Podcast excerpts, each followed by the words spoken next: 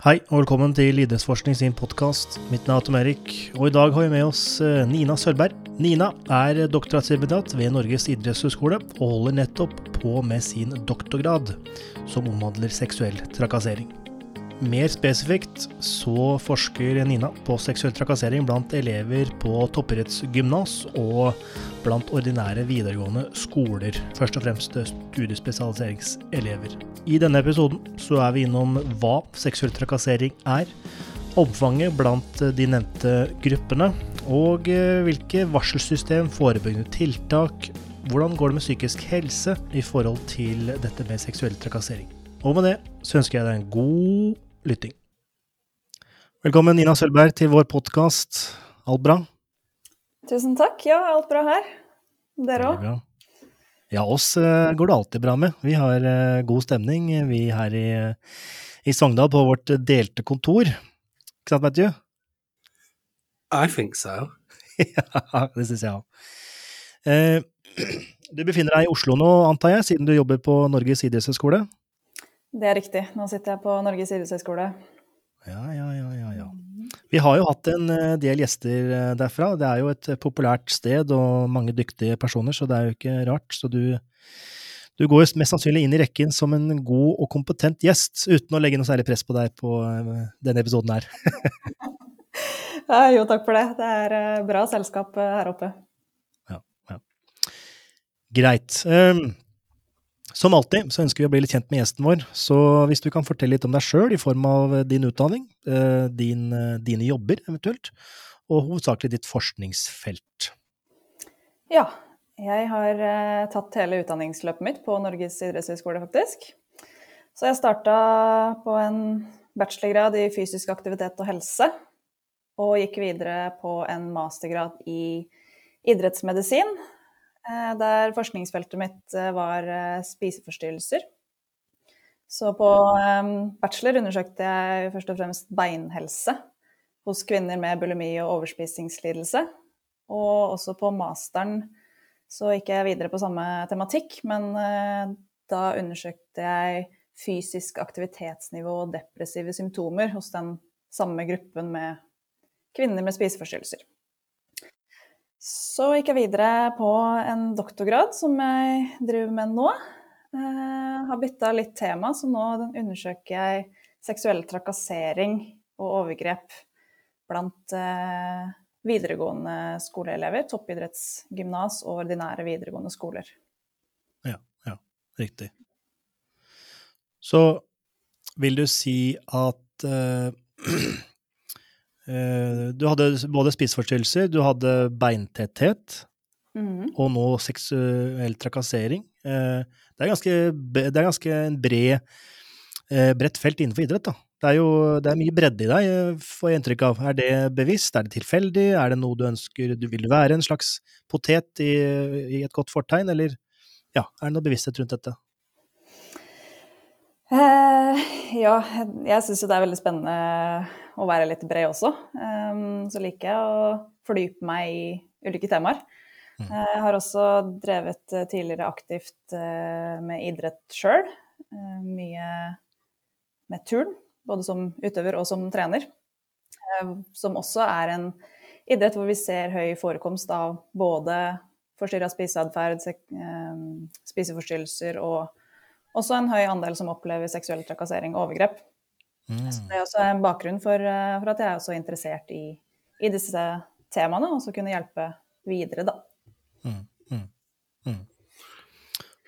I was just going to say, like, it, it, I guess on the surface, it is quite a broad top, a number of topics you've covered. But as as you were saying that, I was just thinking, okay, this is someone who's interested in, I guess, like positive health promotion, trying to investigate what's the word? Um, I don't want to say sugar cedar. That's like the dark side, but I guess mm. it, potentially goes down that avenue. Um, am I right in saying I guess you're more generally interested in like healthy behaviors? Sport is just one of the contexts. Yeah, absolutt. Du, du er inne på noe der. It's a bit like um, we'll probably have to get her on at some point. Ada, who's in our department, she studied sport at NEHO, but she said she was interested in being a doctor to start with, and then she realised she was more interested in health, but within the context of physical activity. Mm. Kind of the same thing, maybe. Ja, absolutt. Og som du sier, også litt uh, disse skyggesidene som, uh, som, er litt vanskelig å ta tak i og vanskelig å snakke om. Det, det trengs jo også å snakke om. Mm. Mm. Så noen må gjøre det òg. mm. Ja, det er, det er jo det ordet som popper inn i hodet mitt, er jo det er et guffent område å forske på, men kanskje desto viktigere, eh, tenker jeg. Det, det, Eh, altså, det er eh, for så vidt mer nøytralt og enkelt å forske på hvor høyt man hopper, når man skal inn og sjekke prevalensen av seksuell trakassering og overgrep, som du sier. Det er jo eh, det, det, er ikke som å være ambulansesjåfør, det er ikke det jeg sier, men eh, det er noe mer guffent med det og, og tøft gjort eh, enn å sjekke hvor høyt, folk hopper, sånn som vi gjør litt her i, i Sogndal. Så all kreds til deg, så veldig bra. Men uh, dette beveger oss litt over til uh, doktorgraden din, uh, som du er i nesten ferdig med. Eller du, på tidsperioden på NIH sin side så sto det ferdig i mai 2022. Men nå forstår jeg at den, det, det, har forskjøvet seg litt, som kanskje er vanlig i doktorgradsløpet? Ja, det, det, er riktig. Det har forskjøvet seg litt. Både som du sier, det er jo vanlig i et doktorgradsløp, men også pga. den pandemien vi har hatt, da. Så, um, riktig, riktig. Som da kom uh, for min del uh, midt i datainnsamlinga. Mm, så da ja, ble det litt utsettelse pga. det, rett og slett. Ja, ja. Men du, av den doktorgraden, så har du publisert Er det én to studier som ligger ute? Det er én studie som er publisert, så ja. nummer to er inne i review nå. Riktig, riktig. Uh, og første handler stort sett om forekomst av seksuell trakassering i videregående hos noen spesifikke studieretninger, grupper, ikke sant? Riktig. Men hvis vi skal starte litt mer breiere, altså din, din hele doktorgrad, for dette er jo bare en liten del av doktorgrad, uh, men hva, hva er det overordna hensikten med din doktorgrad? Hva er det dette handler om? Det handler om at vi ønsker eh, først og fremst å kartlegge, som du sier, eh, forekomst. Hvor mange er det som opplever dette her? Eh, fra hvem er det de opplever det? Vi ønsker også å se på sammenheng med psykisk helse. Så det er det vi går inn på i artikkel nummer to.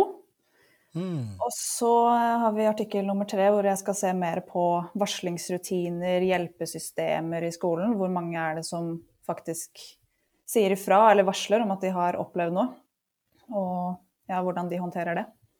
Mm. Så har vi også et uh, mål om uh, forebyggende tiltak, og da har vi spurt elevene hva de selv mener uh, kan bidra til å forebygge dette problemet, da. Ja, for dette er blitt gjort under samme datainnsamling som kartlegginga, kanskje? Ja, vi har en prospektiv studie, så vi har vært ute på disse toppidrettsgymnasene og ordinære videregående skoler, studiespesialiserende linje. Eh, først med et spørreskjema. Og så fulgte vi opp de samme elevene ett år etter med et nytt spørreskjema, tilsvarende spørreskjema. Så vi har da to måletidspunkt med den samme gruppen elever. Mm, mm, mm. Can I just ask why um, how do you say it? Toppidretts gymnast. So that's basically videregående that specialised in sport. Yeah. Is there a particular hypothesis behind that population? Vi ser fra litteraturen at eliteidrettsutøvere er antatt å være en egen risikogruppe for å oppleve seksuell trakassering og overgrep.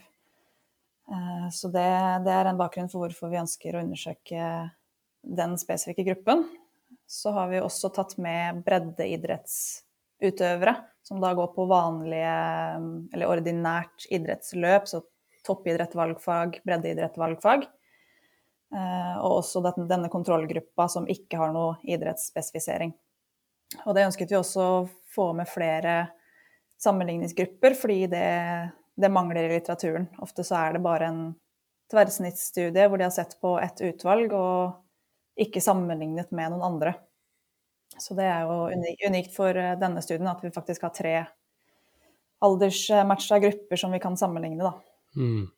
Well, I, I don't actually know what a top idretts gymnast is. Sogndal's not one, is it? De, topp, de gymnasene vi Eller eh,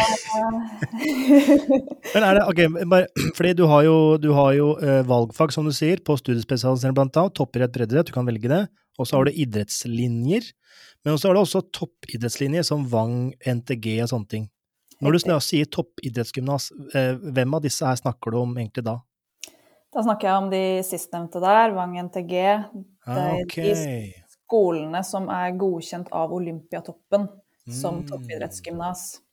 Riktig. Oh. Mm. What does that mean? Godkjent by Olympiatoppen?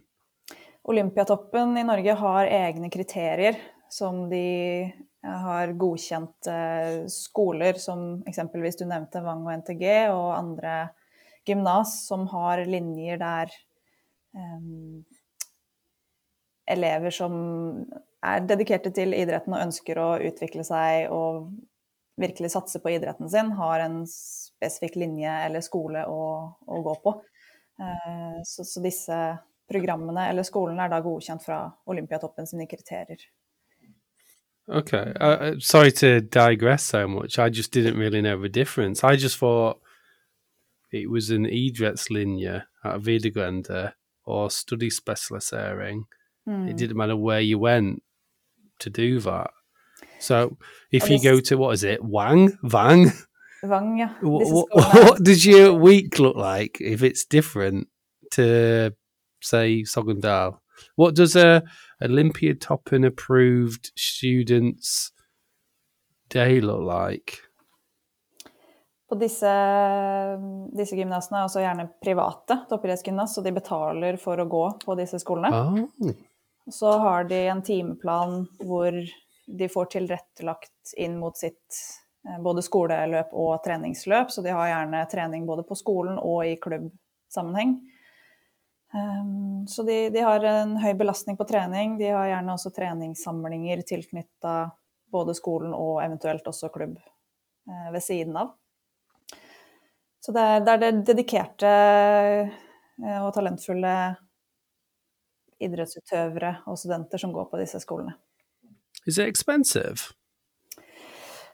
Det, det kan jeg ikke si sånn direkte ut ifra eh, Alt er jo relativt, Matthew. Eh, For din tilfelle så er svaret ja. Så får folk tolke det som de vil. Ja, det, det er jeg litt usikker på akkurat hva det Ja. koster. Men det vil si at eh, differansen i prestasjon, eller differansen når du snakker om elite og rekreasjonelle atleter, så er det ganske stor forskjell på disse to gruppene. I forhold til i hvert fall slik jeg kjenner STUSP-eleven som tar eventuell bredde eller toppidrett. Det er, der er litt forskjell. I hvert fall steg opp til Vang og NTG. Det er ganske stor forskjell, i hvert fall på nivået de presterer eller utøver sin uh, idrett, da. Ja, absolutt. Og så finnes det jo selvfølgelig eh, utøvere eller studenter på både mm, i breddeidrettsgruppa og også i studiespesialiserende gruppa som, som satser på sin idrett også, men i det store og det hele så gjennomsnittlig er det en stor forskjell på prestasjonsnivå her. Ja, ja. Greit. Så øh, forekomst, øh, varslingssystem Jeg skrev det ned her. Eh, jo, først eh, forekomst, eh, dette med psykisk helse og effekten av seksuell trakassering på dette med psykisk helse, varselsystem forebyggende tiltak. Eh, så er jo det, det aller mest spennende spørsmålet. Den første delen vet vi jo ganske mye om, for det er publisert. Mm. Hvor mye, i hvert fall videre i denne episoden, kan du si om Har du har dere samlet inn data på disse tre neste artiklene? Ja, det har vi. Vi har eh, all data innsamla. Ok, spennende. Mm. spennende. Men uh, det var en liten teaser. La oss ta forekomsten først uh, på disse gruppene du snakket om. Er, er det mye, er det lite? Uh, eller først kan vi faktisk bare prøve å definere hva seksuell trakassering er, fordi det er nok en ting folk kan være greit å vite. Ja, absolutt. Og det, det er et diskusjonsspørsmål. Det fins faktisk ingen universell definisjon på seksuell trakassering og overgrep. Eh, Men eh, vi eh, forholder oss til definisjonen fra den norske likestillings- og diskrimineringsloven, som da definerer seksuell trakassering som enhver form for uønska seksuell oppmerksomhet. Så deler vi gjerne dette inn i tre ulike undergrupper. Som vi også har gjort i min studie, hvor vi snakker om verbal seksuell trakassering. Som da er det du sier med ord eller skriver. Så uønska seksuelle kommentarer, bemerkninger, eh, enten om det er direkte face to face eller over meldinger, sosiale medier osv. Så, videre. så har vi en gruppe med ikke-verbal seksuell trakassering, som går mer på eh, hva du gjør, atferd. Det kan være seksualiserte blikk, kroppsbevegelser, tagning eller sending av seksualiserte bilder og videoer. Eksempelvis. Og så har vi en siste gruppe med fysisk seksuell trakassering, som da går mer på uønska fysisk berøring, klemming, kyssing. Og også det vi tenker på som kanskje det mest alvorlige med overgrep og voldtekt eller voldtektsforsøk. Has um through your work has I guess before you started your stipendia, you probably had a working definition yourself. Has it changed based on what you've read, what you've done? Is it extended? Is it broader than what you initially thought? Ja, godt spørsmål. Um, det her var jo egentlig et veldig ukjent uh, tema for meg før jeg starta stipendiatperioden min. Så jeg har jo egentlig lært, lært, alt, og ifølge definisjonen, eller i forbindelse med definisjonen, så, så, er det som du sier at jeg har fått et veldig mye bredere perspektiv på det.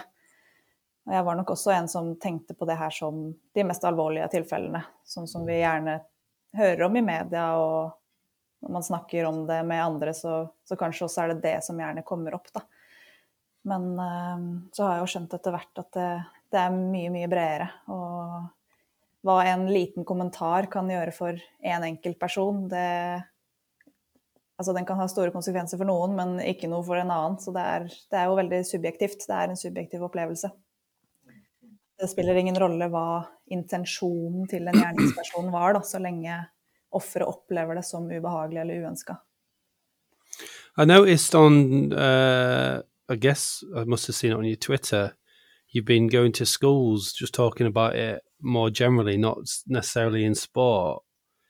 So I don't know how much you can talk about this, but do you find that when you're doing these educational workshops, do people, like the teachers or whoever you're working with, pupils, do they perhaps have a more narrow definition before you start with them? Because I was initially thinking when you said video stuff, I was like, oh yeah, I guess that's something I've not really thought about. Just like you said, you the more traditional conceptualization of it is maybe with more serious types of harassment, mm. whereas there's obviously much more subtle forms. I would assume that people just some people, maybe younger people, don't appreciate the the spectrum on which harassment can be. Mm. Det jeg opplever eh, ute blant de unge, det er også at de, de, føler at mye av det er normalisert. Eh, spesielt disse formene som man kan tenke på som mildere former, da, som, som, en kommentar eller et blikk eller ja, mye av dette verbale, de, de verbale formene. At det er blitt såpass normalisert at man ja, eh, bare må takle det, på en måte. Mm, mm. Har du noe eksempel på et eh, Altså eh, det som, det som, altså Man har jo noe som er verbalt og fysisk, det er noe som er åpenbart, og noe som kanskje er mer subtilt. Altså, man, det var jo en sak eh, for en del år siden i Skøyteforbundet med denne Müller, uh, Müller, Müller mm. uh, skøytetrener, som hadde ganske mange uheldige uttalelser, eller stygge uttalelser mot en kvinnelig skøyteløper, eller flere kvinnelige skøyteløper, om ja, seksuell som hadde seksuelle ting i seg. det er jo helt åpenbart at det er ikke greit, og det er verbalt. Men er det noe Hva er det som ikke er fortsatt ikke greit, men som kanskje ikke folk er bevisst på? Og så har du noen eksempler på akkurat det? Som ikke er greit, men som Som på en måte er eh, til sånn Å ja, det visste jeg ikke, det visste jeg ikke var lov, eller så, så er subtilt, eller så Det er vanskelig spørsmål, mest sannsynlig, men ja. I forhold til kommentarer og sånn, tenker du på? ja, sånn, kommentarer. Altså dette med uh, vold og det å bli tatt på på intime steder mm. er jo helt åpenbart. Det er ikke greit, det tror jeg folk skjønner. Ja. Men så kan det være uh, å legge en hånd på en skulder uh, versus eller det å si ja, hva skulle man sagt? jeg vet ikke hvordan det var noe forslag. Det er mye Ja, det er det er jo gråsoner her også, som du sier. Det å legge en hånd på en skulder eller noe sånt. Det, og det, det, møter jeg ute hos trenere også, blant annet, som, som er uh, usikre på hva de kan og ikke kan gjøre. Mm, mm. Um, og det gjelder jo da f.eks., som du sier, fysisk kontakt og det å uh, I idretter, da, nå har jeg, som jeg nevnte, um, vært mye inn i turn, hvor det er veldig vanlig med fysisk kontakt. Ja, selvfølgelig sikring og den slags. ja, man sikrer hverandre og faktisk, altså for å hjelpe til og sikre at man ikke faller ned. Mm. Um, og det er ingen bevis per nå på at fysisk kontakt eller kleskoder øker risikoen for seksuell trakassering. Uh, selv om man kanskje kunne ja. tenke det. Um, okay. Men vi, vi, opererer jo gjerne med at det kan være risikosituasjoner um, allikevel, fordi hvis det er en som har lyst til å gjøre et eller annet, så er jo dette situasjoner hvor man helt klart er i et miljø hvor det er mer lovlig. Ikke sant? Og man mm. kan tilnærme seg en utøver eh, enklere, da. Men, men, har ikke tidligere forskning også vist at det er mer forekomst av seksuell trakassering i mer estetiske idretter? Og dermed da turn, antar jeg, faller i den definisjonen? Turn faller innen den definisjonen, ja. Men eh, det er ikke noe mer forekomst i estetiske idretter. Eh, det, skal mulig jeg kanskje blande med spiseforstyrrelser. Der er det i hvert fall Det er mulig jeg blander dem, faktisk. Ja, spiseforstyrrelse er definitivt både estetiske idretter og Ja, der er forekomsten større, men kanskje ikke på seksuell trakassering. Det er mulig jeg blander nå, beklager det. Mm. Greit. Ja, så det er ingen sammenheng mellom dette med, med trikot eller klær og dette med berøring. Så det vil si at det er i hvert fall ikke noe mye... evidens på det foreløpig. Riktig, riktig, riktig. Ja, det, var, det, visste jeg ikke. Det var interessant. Det er jo Man skulle jo tro at det kanskje var tilfellet. Men uh, yeah. why, why do you, you seem a bit not surprised, but I guess a curious point? Talking what, to me? What, yeah, what was your I can just tell by a change in your tone that it was something that was interesting there. Nei, det, det, er vel en uh, Kanskje litt stereotypisk og enkelt å tenke, men uh, er man, Har man på seg mindre klær, så blir man som en mannlig eller kvinnelig trener mer frista, eller jeg, jeg veit ikke hva ordet skal bruke, men Like objectified. Ja, og ja, og ja objektifisert. Ja, det er et godt uh, ord. ikke frista. Uh, ja. Men uh, nei, det, var, det, var, det jeg trodde, da. Uh, man tenker kanskje den, i den retningen. It's interesting, actually. I don't, and maybe Nina has the answer. Uh, is, uh, is this stuff been explored in like a bodybuilding and fitness modeling context? Hmm. Do you know anything about that arena? Um, vi har gjort en studie blant uh, gruppetreningsinstruktører og personlige trenere. Ah, ja. mm. um, blant annet med Therese Fostervold Mathisen i spissen på den, uh, den forskninga der. Uh, da så vi en høyere forekomst blant personlige trenere sammenligna med gruppetreningsinstruktører. Som So what do you mean? As in a personal trainer is harassed by their clients? Eh, More likelihood of that? Ja, for eksempel. Mm. Oi. Begge kjønn? Vi hadde med begge kjønn, ja. Det var flest uh, kvinner, så langt jeg kan huske. Ja. Mm. Men forekomsten og opplevelsen av seksuell trakassering var lik mellom kjønna? Eh, der tror jeg jeg må gå inn i, eh, inn i artikkelen en gang til. For, å for det er, er, det ikke sånn at tidligere forskning viser at kvinner opplever mer seksuell trakassering enn menn? Ja, absolutt. Eller i hvert fall er det sånn at de rapporterer menn mer. Ja, ok. Ja, ja det er et godt poeng. Ja, god nyanse. Ja, riktig. Ja. I'm just curious whether it's it's an increase in uh, a personal trainer being harassed by a client or by a colleague. I, Mm. I'm assuming it's predominantly driven by their own clients. Ja, dette så vi også på i den, den studien om hvem de blir trakassert av. Eh, Og det var, eh, så vidt jeg kan huske, en, mest fra da klienter eller brukere. Kunder. Wow. That is absolutely disgraceful. Ja. Eh, tror jeg det. Det- fordi man tenker jo, i hvert fall sånn rent tradisjonelt, og her kommer det jo denne, Dette er jo en nyanse, men rent tradisjonelt så skulle man tro at eh, den som sitter med mest makt, altså lærer, elev, der lærer har mest makt, trener, utøver, der trener har mest makt, PT versus kunde, PT har mest makt, men her er det kanskje kunden som har mest makt, hvis man skal følge denne ja, eh, jeg vet ikke om eh, du har dy dykka ned i Foucault og makt og den, eh, den det, Vet ikke uh, Ja, men du er, inne på noe, du er inne på noe der, for det er jo gjerne kjernen i, i dette feltet også, dette med maktforskjeller. Mm.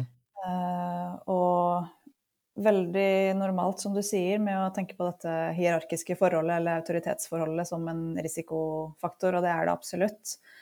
Um, men også i min doktorgradsstudie så har vi undersøkt hvem disse studentene ble trakassert fra, eller av.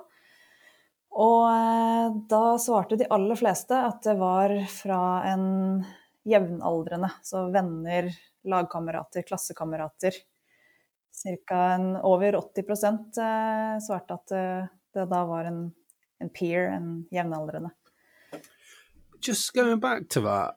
It just made me think.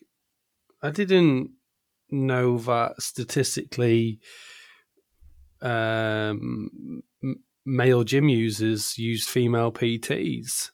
I've seen some literature about you're basically more likely to have a personal trainer that's the same sex. I've just realised that's probably unusual in itself.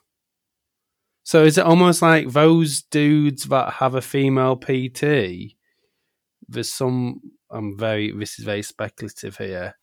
They're they're, they're likely to be engaged in some kind of harassment behaviour. Then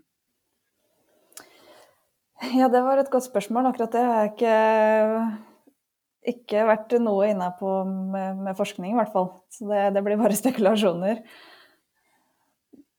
yeah, I was just thinking more broadly about. I forgot the idea that male men det er et female veldig- PTs.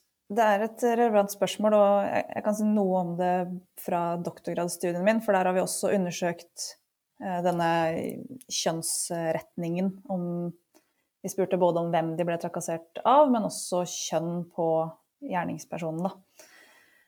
Um, og da Alt i alt så rapporterer de fleste om at gjerningspersonen er en mannlig Altså et mannlig kjønn. Um, eller begge kjønn, både at de har blitt trakassert fra en mann og en kvinne.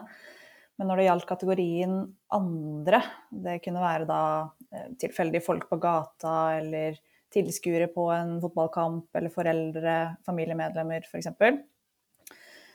så eh, rapporterte flest gutter å ha blitt trakassert av et kvinnelig kjønn, eh, mens det var motsatt, at jenter rapporterte mest mannlige gjerningspersoner. I guess that's not too surprising, is it? Boys being potentially harassed by women, girls being harassed by men. Ja, vi ser jo mest i litteraturen, og sånn som vi tenker på i samfunnet også, vil jeg, vil jeg si, at gjerningspersonen gjerne er en mann. Um, men jeg syns det er veldig viktig å dra fram også at det absolutt kan være kvinner. Mm. Eh, eller- Ja. Både, både kvinner og menn, eller alle kjønn, blir trakassert, og alle kjønn kan trakassere. No, go on, Tommy. I think Okay. you're going to ask what I'm going to ask anyway. Ja. Men er det, er det, kan det være en Kan det være en forskjell i persepsjon av seksuell trakassering mellom kjønn? For du nevnte i stad at eh, ja, kvinner rapporterer i hvert fall mer enn menn. Som Mm. kanskje var et lite hint om at uh, tallene hos menn er kanskje noe større, kanskje ikke like mye som, som jenter. men at når det kommer en kommentar fra en gutt til en jente versus en gutt til en gutt, så blir det mottatt forskjellig. Er det en slags teori på disse forskjellene mellom kjønn, kanskje? Ja, jeg er helt enig. Det kan absolutt være, være noe som ligger der. Um, vi ser også fra de nyere studiene som er ute nå internasjonalt, at ikke At de ikke finner noen forskjell mellom jenter og gutter. At det begynner å jevne seg litt mer ut. Det er også, også interessant også med tanke på det du sier nå om oppfattelsen faktisk av begrepet. Og, ja. Men det tenker jeg også kan henge litt sammen med hvordan studiene er designa, hvordan metode man bruker, spørreskjema, hva spør man faktisk om? Som da igjen selvfølgelig henger sammen med definisjonen. At eh, ja, hvordan man presenterer det. Om man spør direkte har du opplevd seksuell trakassering, eller om man spør om disse forskjellige typene. Har du opplevd en seksuell kommentar? Har du opplevd uønska berøring osv.? Me, me and Tamara were talking about this this morning. Obviously, it's some of your survey based. If you had like unlimited time, unlimited resources, and how can I put this? Not unlimited ethics. I really can't think of a way of wording this. Basically, if you wasn't constrained by the real world, do you think there'd be a better way of investigating sexual harassment in your the populations of interest? If you could do anything, basically, what would you do? Hmm, ja, det, det, var et veldig morsomt og godt spørsmål. Um, altså det, er jo, det, er jo, vanskelig i seg sjøl å undersøke um, psykologisk, psykologisk atferd. Altså det er jo noe som skjer inne i en person, uh, eller i flere personer, og relasjonen mellom personer. Um, så det, jeg tror ikke det er noe simpelt eller noe enkelt svar på det. Men vi har, i denne studien så har vi både um, spørreskjemaer, men vi har også inkludert intervjuer. Så vi har intervjua et utvalg av elever og også lærere og ledere på skolene. Um, så et utvalg av elevene som hadde oppgitt at de hadde vært utsatt for seksuell trakassering eller overgrep, ble invitert inn til et intervju i etterkant. Så det er jo det er noe som jeg ikke De dataene sitter ikke jeg på, så jeg har ikke innblikk i akkurat, akkurat den delen. Men det er også en veldig god metode for å få litt mer kjøtt på beinet rundt de kvantitative dataene vi har, da.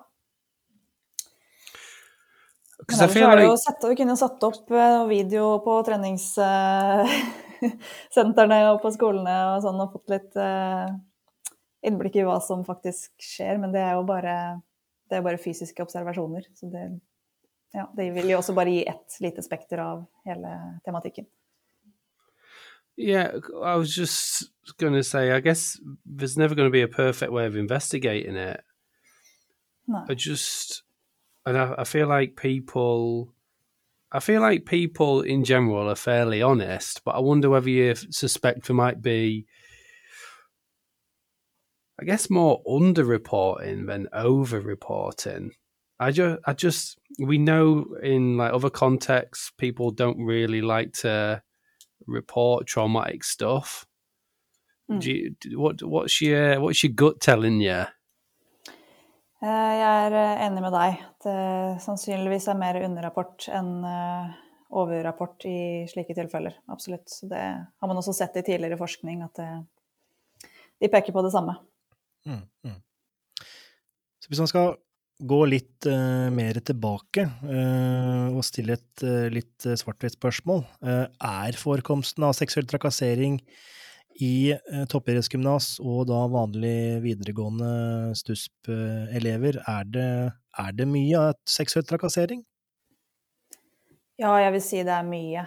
Um, okay. Vi fant en forekomst på totalt sett ca. 40% som hadde opplevd en eller flere former for seksuell trakassering i løpet av de siste tolv månedene. Hm. Ja, det er mye. Eh, det var jo da høyere forekomst, som du nevnte i stad, også blant jentene. Der var det nesten halvparten hadde opplevd det i løpet av de siste tolv månedene. Mm. Og en tredjedel av guttene, cirka. Ja, riktig. Wow.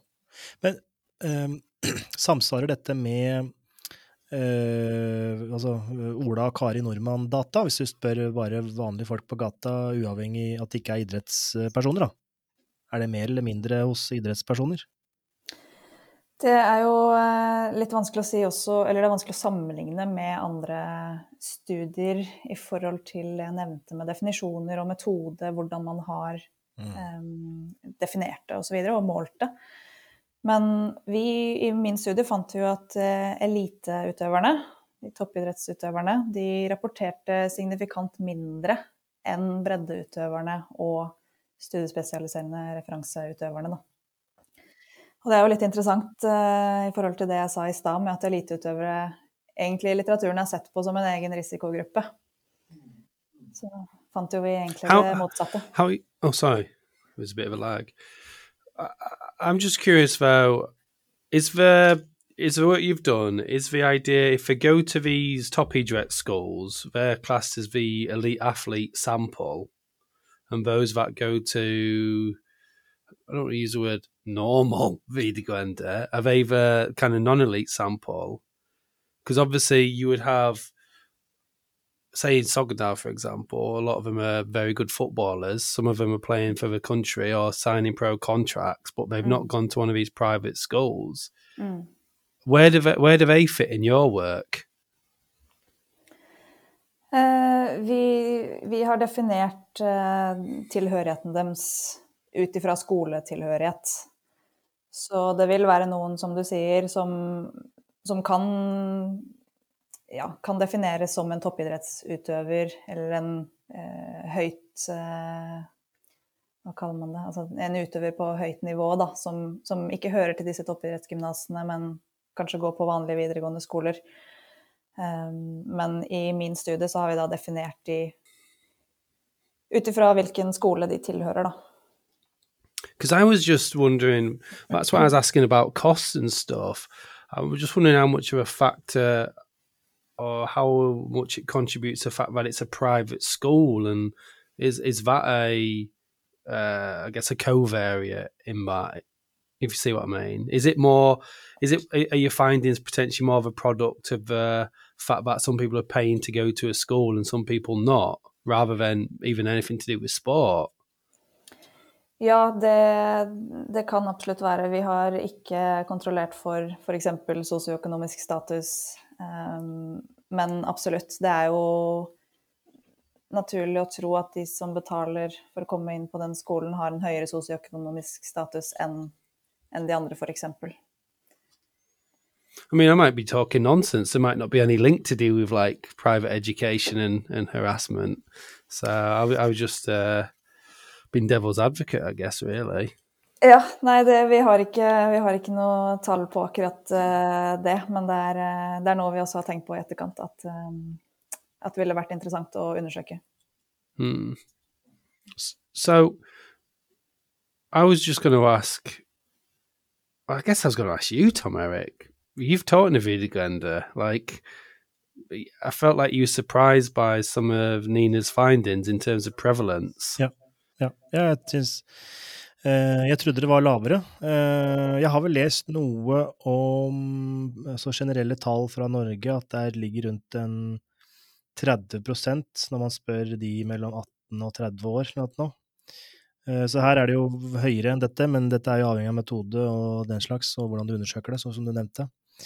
Men når jeg tenker da tilbake til de fem årene jeg hadde i videregående, der jeg underviste både for uh, studiespesialiserende og da kroppsøving, eh, men blant annet da valgfag breddeidrett, ikke toppidrett, for hadde vi ikke. Men vi hadde også idrettslinje som har toppidrett. Uh, så var det sånn det er ikke, det er ikke kanskje noe man går rundt hele tiden og er bevisst på sånne ting, men jeg følte ikke at det var noe seksuell trakassering der blant elever, eller fra lærer til elev, eller elev til lærer. Uh, men at det eksisterte, det var helt sikkert. Men uh, uh, nei. Eh, så det, det, det er eh, høye, høye, høye tall. Sjokkerende tall, syns jeg. Eh, But is that because of what you might have and what you might perceive as what is harassment, and there's probably loads of stuff we don't know about? Absolutt. Like, I guess if it was stuff on phones, you'd have no idea, right? Nei, i, nei det, det sjekker vi ikke som lærere. Nei, det har vi ikke noe Ingen, ingen eh, Nei. Uh, Det eneste vi var bevisst på, at vi med en mannlig lærer, vi går ikke gjennom uh, jentegarderoben. For det for å få gå gjennom Eller komme, komme oss til gymsalen, så måtte vi gå gjennom garderobene. Eh, Men samtidig så seinere har jeg tenkt at er det egentlig greit at vi lærere går gjennom guttegarderoben bare fordi vi er det samme kjønnet, egentlig? Altså jeg føler det også er litt sånn eh, rart den dag i dag, men jeg blir kanskje farga av det som også skjer rundt meg, og vi beveger oss inn i en That's a good point, but mer moderne alder. Bare fordi, bare fordi vi er samme kjønn, så er det greit. Men det er jo egentlig ikke greit da heller. Jeg vet ikke hva du mener om det, Nina? Nei du, nei, du er jo inne på en uh, fin diskusjon der, egentlig. Absolutt. Jeg kan jo legge til på eh, noe du sa angående at du hadde vært lærer på, på videregående. At vi, vi undersøkte jo også i hvilken sammenheng disse elevene opplevde det. Om det Mhm. var i skolesammenheng, eller om det var i idrettssammenheng utenfor skolen, eller om det var i en fritidssammenheng. Mhm. Og da så vi at de aller fleste rapporterte at de hadde opplevd det i en fritidssammenheng. Ah, Mm. riktig. what does free time mean? Etter skolen, Det- eller? Et, ja, etter skolen. Så vi, vi hadde definisjoner på det med eh, Ja, altså skolesammenheng var i enten i timen eller de timene som var eh, skolebasert, da, eller i arrangementer tilknytta skolen. Så hadde vi idrettssammenheng utenfor skolen, som da er en klubbsammenheng eller egentrening på treningssenteret osv. Og, så og da fritid blir tid med venner i familiesituasjoner. Eh, Så ja, tid utenfor de andre kontekstene, da. So, do you mean if you're doing sport outside of school time versus sport in school? Eh, ja. På disse toppidrettsgymnasene så har de jo også mye idrett og trening i skoletiden. Så det ble jo da Det ble definert inn i skolesammenheng for disse, da. Mm. Wh- Why? Why do you think there's a difference? Vi kan ikke direkte si noe ut fra de dataene vi har, men vi har spekulert litt i om, og også ut fra tidligere litteratur, om det kan ha noe med at i en skolesammenheng så har du gjerne lærere eller andre ledere til stede, eh, og det har man også i idrett, med at det gjerne er trenere eller det er foreldre eller andre som ja, måtte passe på da, eller har et overblikk og kan eventuelt avverge noen situasjoner. Mens de, i fritid så, så har man gjerne ikke det. Da er det vennegjenger som går rundt. Og når vi også da ser at de fleste rapporterer at det er jevnaldrende venner, lagkamerater, eh, som de blir trakassert av, så kan jo det ha en sammenheng også med at de i fritidssammenhengen er bare, bare denne gjengen og ikke har noen andre til å passe på det. Oh, right. Sorry, that was my misunderstanding. Right. So, when we're in the free time, we're basically with a different group of people who Yeah. are more likely to do it. Sorry. I understand that. I thought you meant if you do football in school compared to if you go then training with your local club. Right. Okay. Sorry, that was my misunderstanding. Så det betyr vel at uh, vi voksne passer på, da, eller i hvert fall har en uh, forebyggende effekt, kan man si det? Kan si det, eller det kan i hvert fall være, være en faktor. Men så ser man jo også det, Fritid igjen da, kan jo også være i familiesituasjoner hvor det eventuelt også kan skje mer alvorlige overgrep eller vold i hjemmet f.eks., som også eh, kanskje ikke kommer fram. Eh, hvor det da gjerne er voksenpersoner som, som utsetter barn. Mm, mm. Når det kommer til denne kategorien i denne prevalensstudien din, eh, når det kommer til physical, eller fysisk seksuell trakassering, så innebærer det alt fra berøring av en intim del til eh, overgrep. For det er jo et ganske Det er, det er, et, det er et stort spekter. Og Ja. ja, det gjør det. Det gjør det. Riktig. Så det ble ikke differensiert noe i den kategorien i spørreskjema? Jo, i spørreskjema ble det det. Riktig. Så vi, ja, vi hadde 13 ulike spørsmål på seksuell trakassering og overgrepsdelen. Mm. Som gikk da alt fra en uønska seksuell kommentar og helt opp til voldtekt, da. Mm. Um, så beskrev vi disse eh, ja, spørsmålene med de forskjellige hendelsene. Og så i etterkant kategoriserte vi det inn i verbal, ikke-verbal og fysisk. Riktig. Riktig. Mm. Så fordi i denne, for når jeg ser på figuren din, figur to, som tar for seg verbal, nonverbal og fysisk seksuell trakassering, så er det jo heldigvis, kan man si, at det er minst av uh, fysisk uh, seksuell trakassering. Mm. Uh, men innad i den søylen der, så er det jo Altså, består denne søylen, dette gjennomsnittet, av mest berøring av intime deler, eller består det av mest overgrep? Fordi det, det, det vil jo på en måte eh, Den søyla blir verre hvis det er 100% øh, overgrep i den søyla. Det blir jo Ja. Ja, uh, det er ille uansett, men det, det blir desto verre. Ikke sant. Eh, ja, det er eh, absolutt mest av uønska fysisk kontakt. Ok, riktig. Ja. Så det er, det er få tilfeller av eh, voldtekt og voldtektsforsøk. Det er bare enkelttilfeller som er rapportert inn der. Men eh, absolutt mest går på uønska fysisk kontakt, og også noe seksuelle handlinger.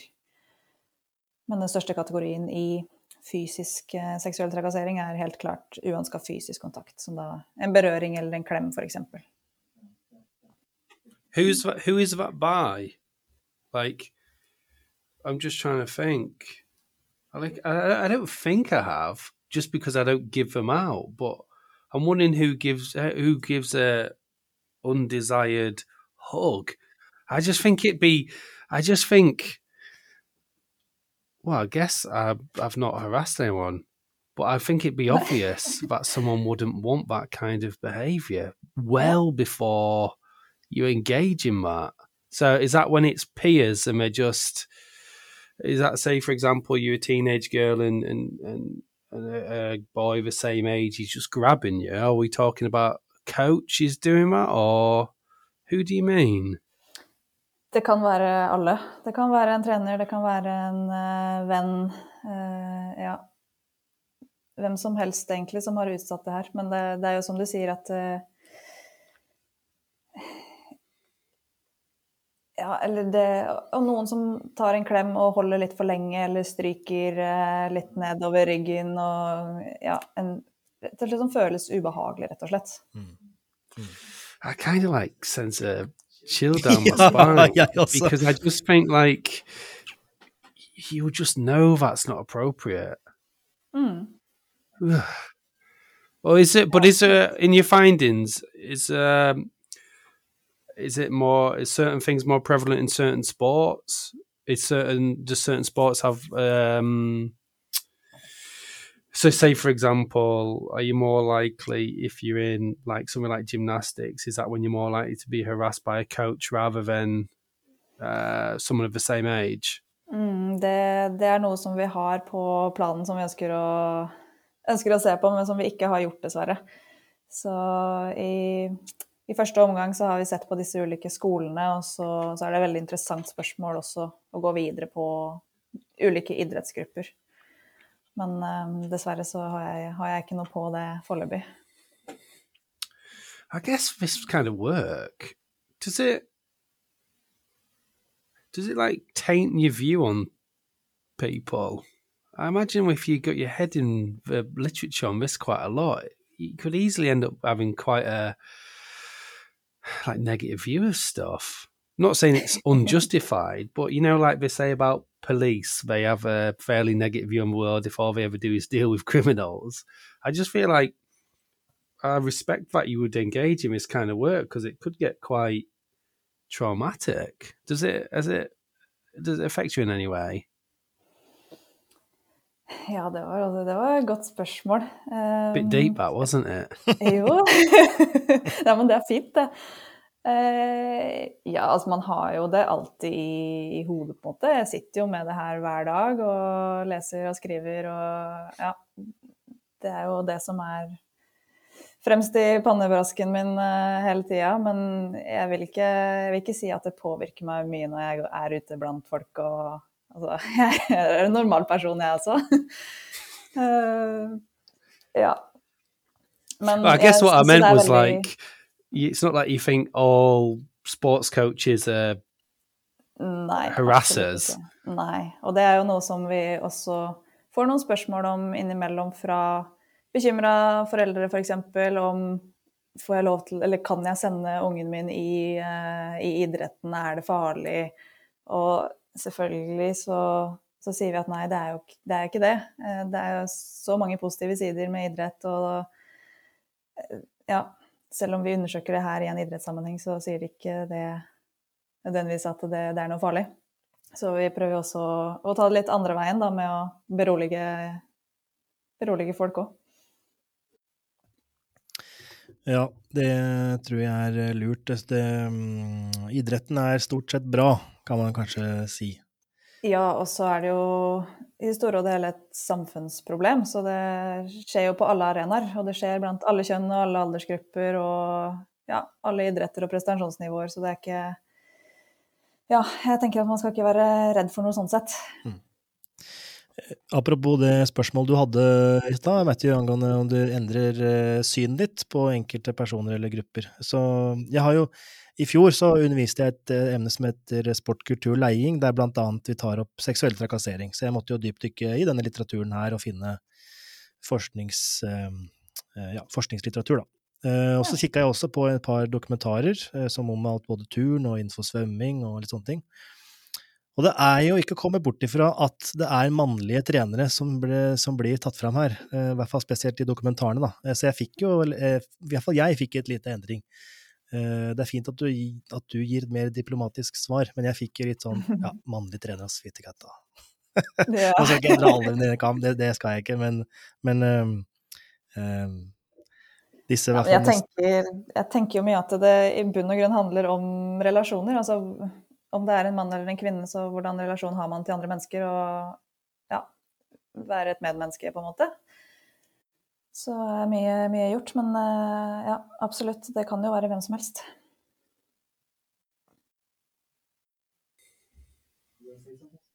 No, just, I'm just can't stop thinking about like because I think I would be quite affected by doing research on this. I would just think like it would just shade my perspective on stuff. It's I just it's really interesting because it's making me think about like it's making me kind of conscious of the way you might interact. I'm I'm one thousand percent confident as a coach I'm not doing anything that's like would even be considered sexual harassment. I just wonder what goes through their heads of people that think that stuff that is like really clearly inappropriate. Why they think that's appropriate? it's mm. like I can understand how a very naive teenage boy might engage in a behavior with a girl or vice versa without understanding the complexity. Is like that's a really what's the word you use? Ubehagly uncomfortable situation. I just can't see how an adult can't see that is a really weird thing. Like the whole i can't honestly i can't stop thinking about this idea of someone stroking a, a teenage athlete's hair. Mm. So it makes me wonder is that because of our level of education like kind of going slightly off this topic, I used to observe a lot of students doing coaching as part of their uh, exam, I guess. And that involved a lot of grassroots um, sport. And that's obviously means a lot of volunteers as well. And I'm only mm. talking like 10 years ago. I remember observing a student, he's coaching at a grassroots football club, and the head coach is some dad who's like 40 something. And he just said, two kids were running late. He just goes, Oh, come on, gay boys, you're both late. And I like was like, I, I could feel my jaw hit the floor. And I could just mm. tell that this guy clearly says that one, multiple times a session and doesn't think anything about it. And I'm thinking, how do you think that's a normal thing to say? In the same way, how would you think it's a normal thing to hug someone for like inappropriate length of time or, or grab certain body parts or say certain things? How does that go in someone's head? It's crazy. Ja, So, er. Is it an education thing? Is it an experience thing? I don't know. You you will know the answer. Well, have a better idea than me, Nina. Ja, jeg har ikke noe klart svar på det heller, men jeg tror du er eh, inne på noe der i forhold til eh, utdanning og bevissthet. For det er også noe som, som jeg opplever når jeg er ute blant trenere blant annet, at de, eh, de er litt bekymra eller redd for å gjøre feil, og de vet ikke helt hva de Altså, de vet kanskje hva de ikke skal si, men de blir bekymra for å si noe feil, da. Eh, og mange vet ikke hva det er. Eh, ja, rett og slett definisjoner, hva, hva det handler om i, i det store og det hele, da.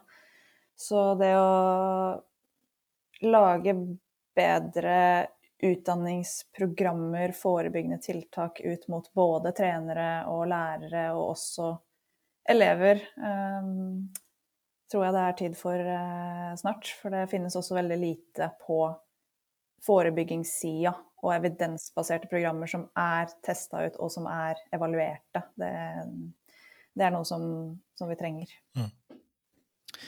Men øh, øh, jeg husker øh, Det var kanskje ikke forebygging, men jeg husker når jeg var på videregående, så hadde vi en tiltaksplan når det gjaldt spiseforstyrrelser.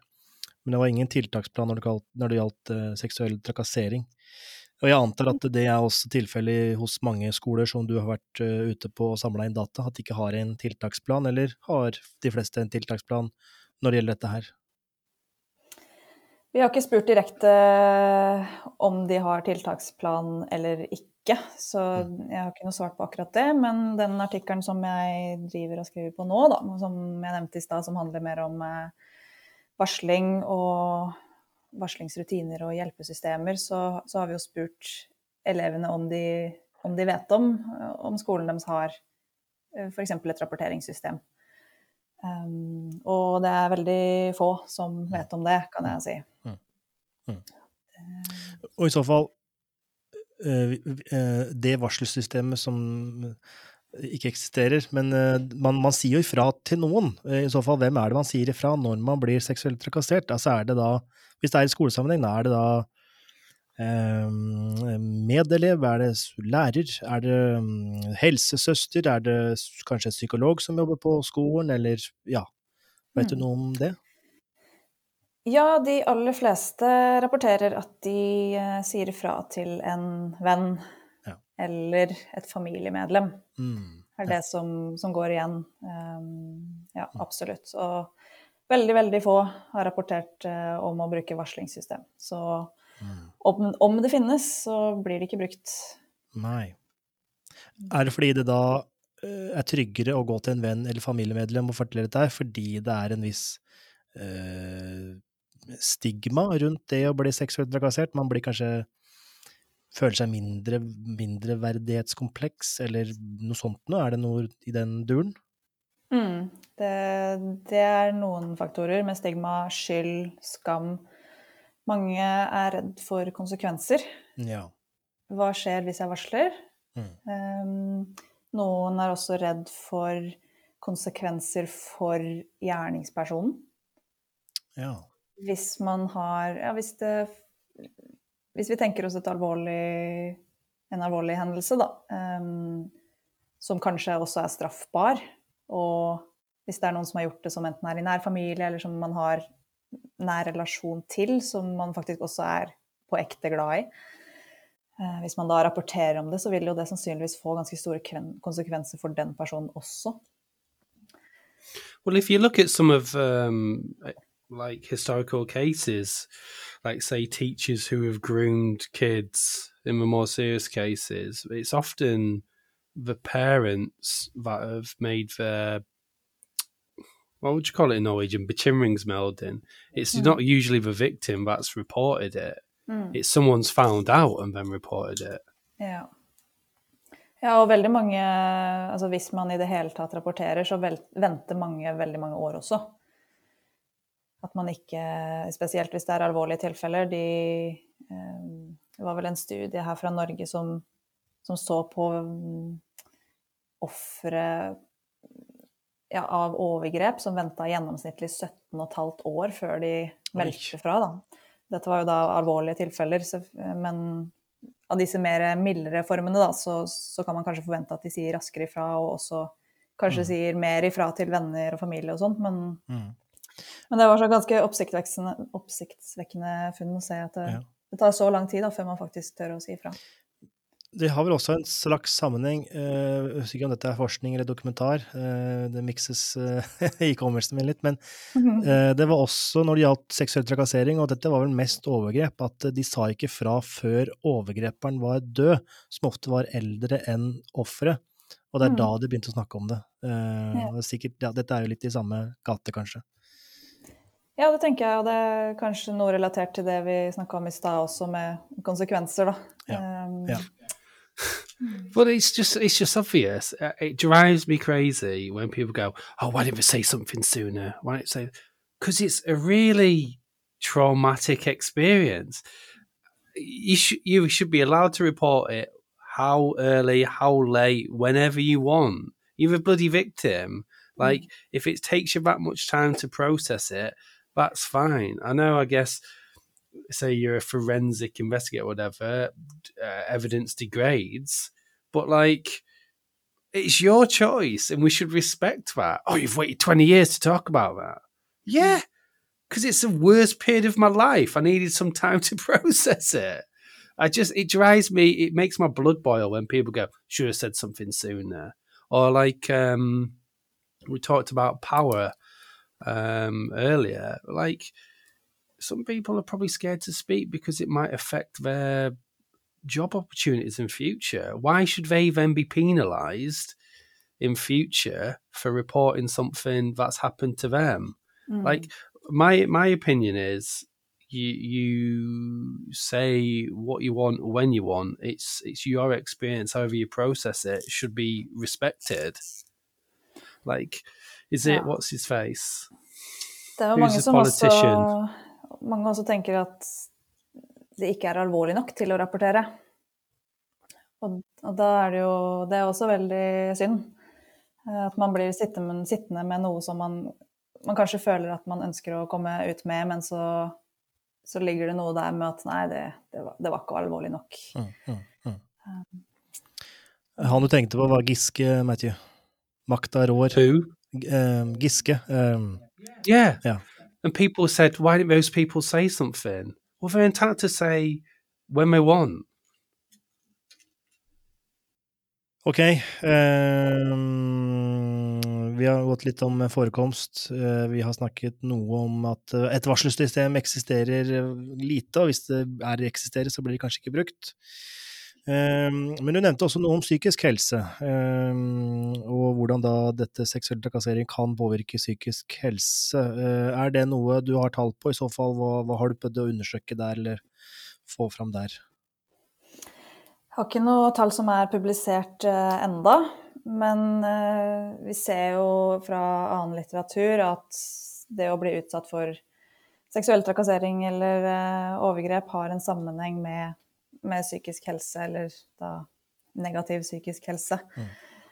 Um, og så er det lite longitudinelle studier på det her, så vi kan heller ikke si så mye om ja, hvilken retning dette går, om det er sånn at de som, som blir trakassert, utvikler eh, en eller annen form for psykisk helse, eller om det er motsatt, om man allerede er deprimert f.eks., at man har en økt risiko eller økt sårbarhet for også å oppleve seksuell trakassering. Mm.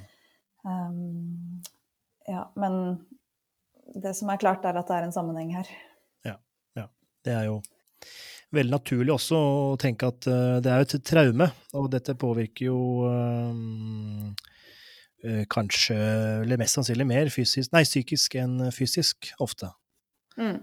Um, så det er helt Så vi jo så har vi også sett litt på i denne andre studien min, som sannsynligvis kommer om ikke altfor lenge. Um, også sett på re-victimization, altså de som opplever det igjen. Oh, ja, ja. Og da sett på mental helse blant de også, da. Mm. Uh, For der ser vi også at de kan ha en økt kompleksitet da, av, um, av mentale helseproblemer. Mm. Som jeg har sett fra tidligere, så da Det undersøker vi også litt mer i, i den kommende studien. Mm. Mm. Ok, spennende. Spennende. When do you stop being a victim? You know, you talked about re-victimization. Is there yeah. a is there a stop? Is there a pause? Det tror jeg også blir en subjektiv eh, vurdering, rett og slett. Mm. Ja. Um, Det er, ingen som, det er vel kanskje ingen som ønsker å se på seg selv som et offer over lengre tid. Det er vel heller vi i forskningslitteraturen som kategoriserer som det. Kanskje i Ja. grad mulig. ja, ja, og sånn som i min studie her, så har vi jo undersøkt På første måletidspunkt så undersøkte vi både livstidsforekomst og tolv måneders forekomst. Så det er jo den artikkelen, den første artikkelen eh, rapporterer jo om tolv måneders forekomst. Ja. Eh, Ja. Og på tidspunkt to så eh, har vi da undersøkt dette tidsrommet mellom første og andre måletidspunkt, som da var tolv måneder. Så den re-victimization-variabelen den går jo da på tolv måneder, om de har opplevd det igjen innenfor dette tidsrommet. Mm. Så, så akkurat i forskninga her så er de jo da på en måte et victim innenfor disse tolv månedene. Mm. Mm. Mm. Right.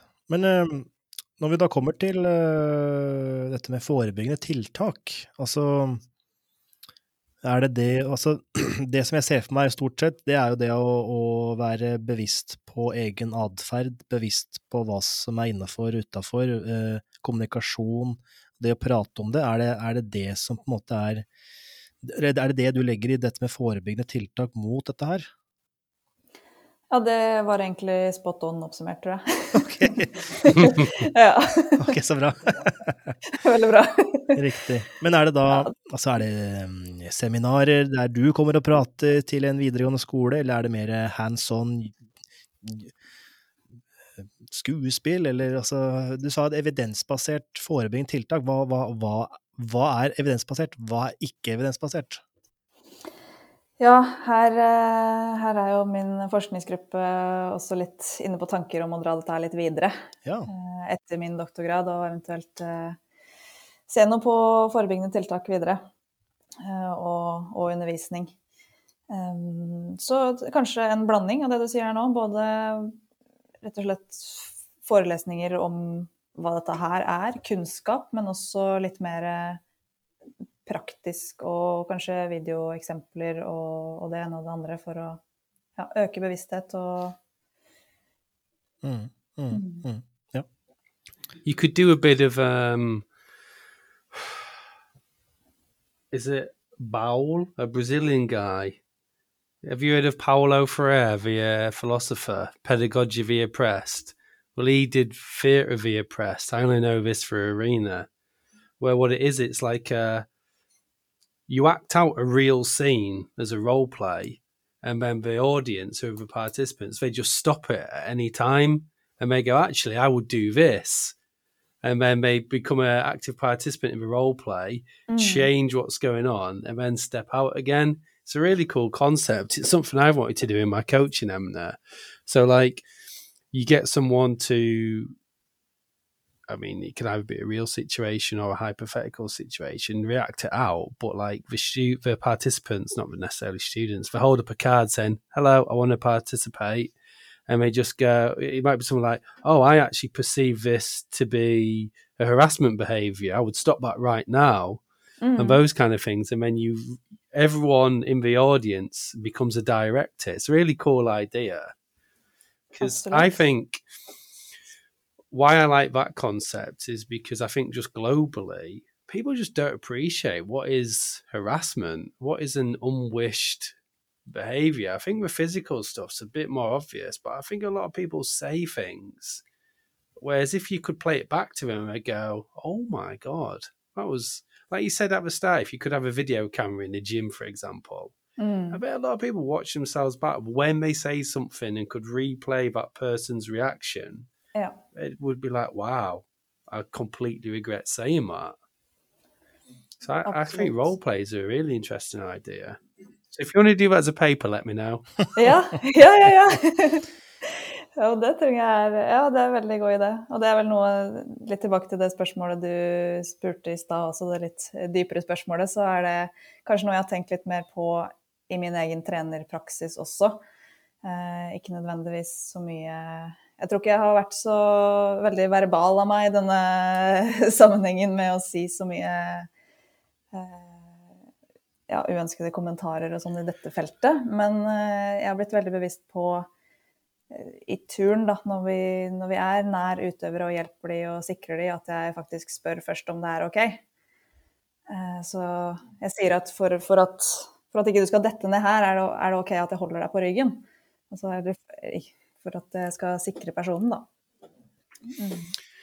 What you've made me think about as a coach is I've been um, surprised by how much stuff's going on with people who are peers or the same age. And so I'm not really worried about my own behavior, but it has started to make me think about what I should maybe be observing within peer groups in the in the coaching I do. Mm. In particular, what I do with my rugby club, we have a lot of mixed sex training. It's never really crossed my mind this idea of like, is there some harassment potentially going on? So that's ma- really made me aware of stuff that could be going on that I never really thought about. I'm in a bit of a weird situation where the male participants are predominantly younger than the female participants, but it could still be an issue. And it also doesn't stop. Say, we also have a lot of. It's a really weird group. Basically, anyone who's a female comes to my rugby club as a student, so around 20. They're either a teenage boy or an adult male. And I've never really thought about the potential implications of that mix from a harassment perspective before. And based on what you talked about your research, that's really made me think about what I might have to start listening to or looking out for. I'm not concerned right now, but at least it makes me conscious of that. Mm. I guess I just assumed when I think sexual harassment in sport, I think a male coach, an elite female athlete, and they just completely abuse their power. I never really thought about it from a different uh, Pierce. the potential. Yeah, the potential different stakeholders that could be harassing. Mm. Mm. So I've Ja, men benefited a lot er from this jo- conversation. Ja, det er jo Jeg tenker det er eh, et av målene med dette her òg, ja. Bare å bli faktisk bevisst på det. At man kan også plukke opp litt.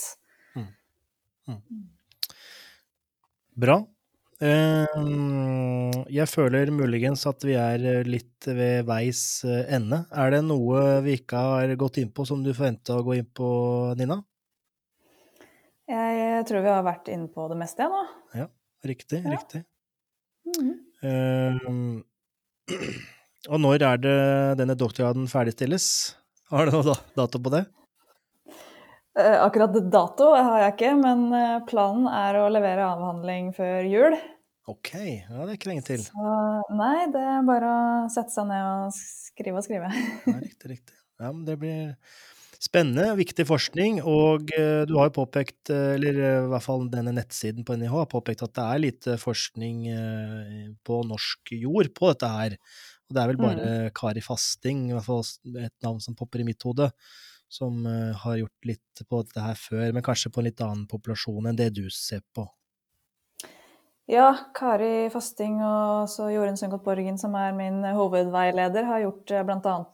en studie De har også gjort det i idretten, men da på eh, voksne lite kvinnelige utøvere. Så, så det blir en litt annen populasjon, ja.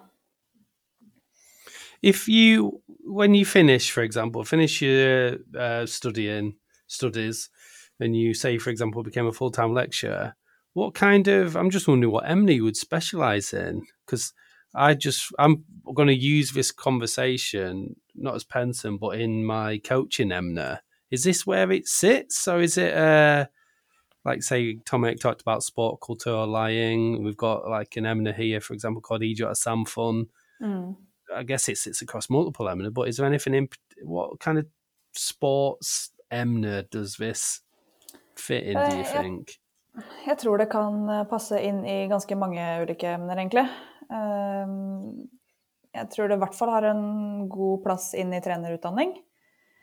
Eh, Og også, som du sier, i andre idretts... eh, Altså idrettskultur og samfunn, hva som skjer i samfunnet rundt oss. Men også i Jeg var på tidligere denne uken og underviste på helt eh, vanlige faglærer, eller så lærerstudenter, som ikke har noe med idrett å gjøre. Så det er jo eh, Ja, jeg tror dette emnet passer inn i veldig mye, egentlig. Ja. ja. Helt klart, helt klart.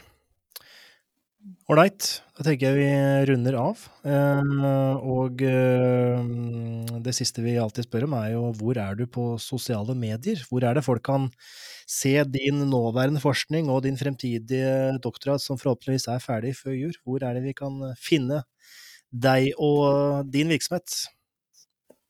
Jeg er på Twitter. Det er jo stort sett der eh, forskningsresultater og alt kommer ut, så gjerne følg meg der. You're a good Twitter user. I respect that. Ja, det er bra. Ja, eh, og du er jo sikkert også på ResearchGate, eller du er på ResearchGate, eh, så legger, Ja. det legger vi også ved som, eh, som lenke Stemmer. under i beskrivelsen. Flott. Bra. Da vil jeg takke for en god prat, Nina. Dette var informativt og viktig, eh, og vi håper flere tar denne, tar denne seksuell trakasseringsfakkelen nå forsker mer, for de trenger sikkert mer forskning på dette her eh, tematikken eh, også fremover eh, i Norge og internasjonalt. Helt klart. Og selv takk for at jeg fikk komme.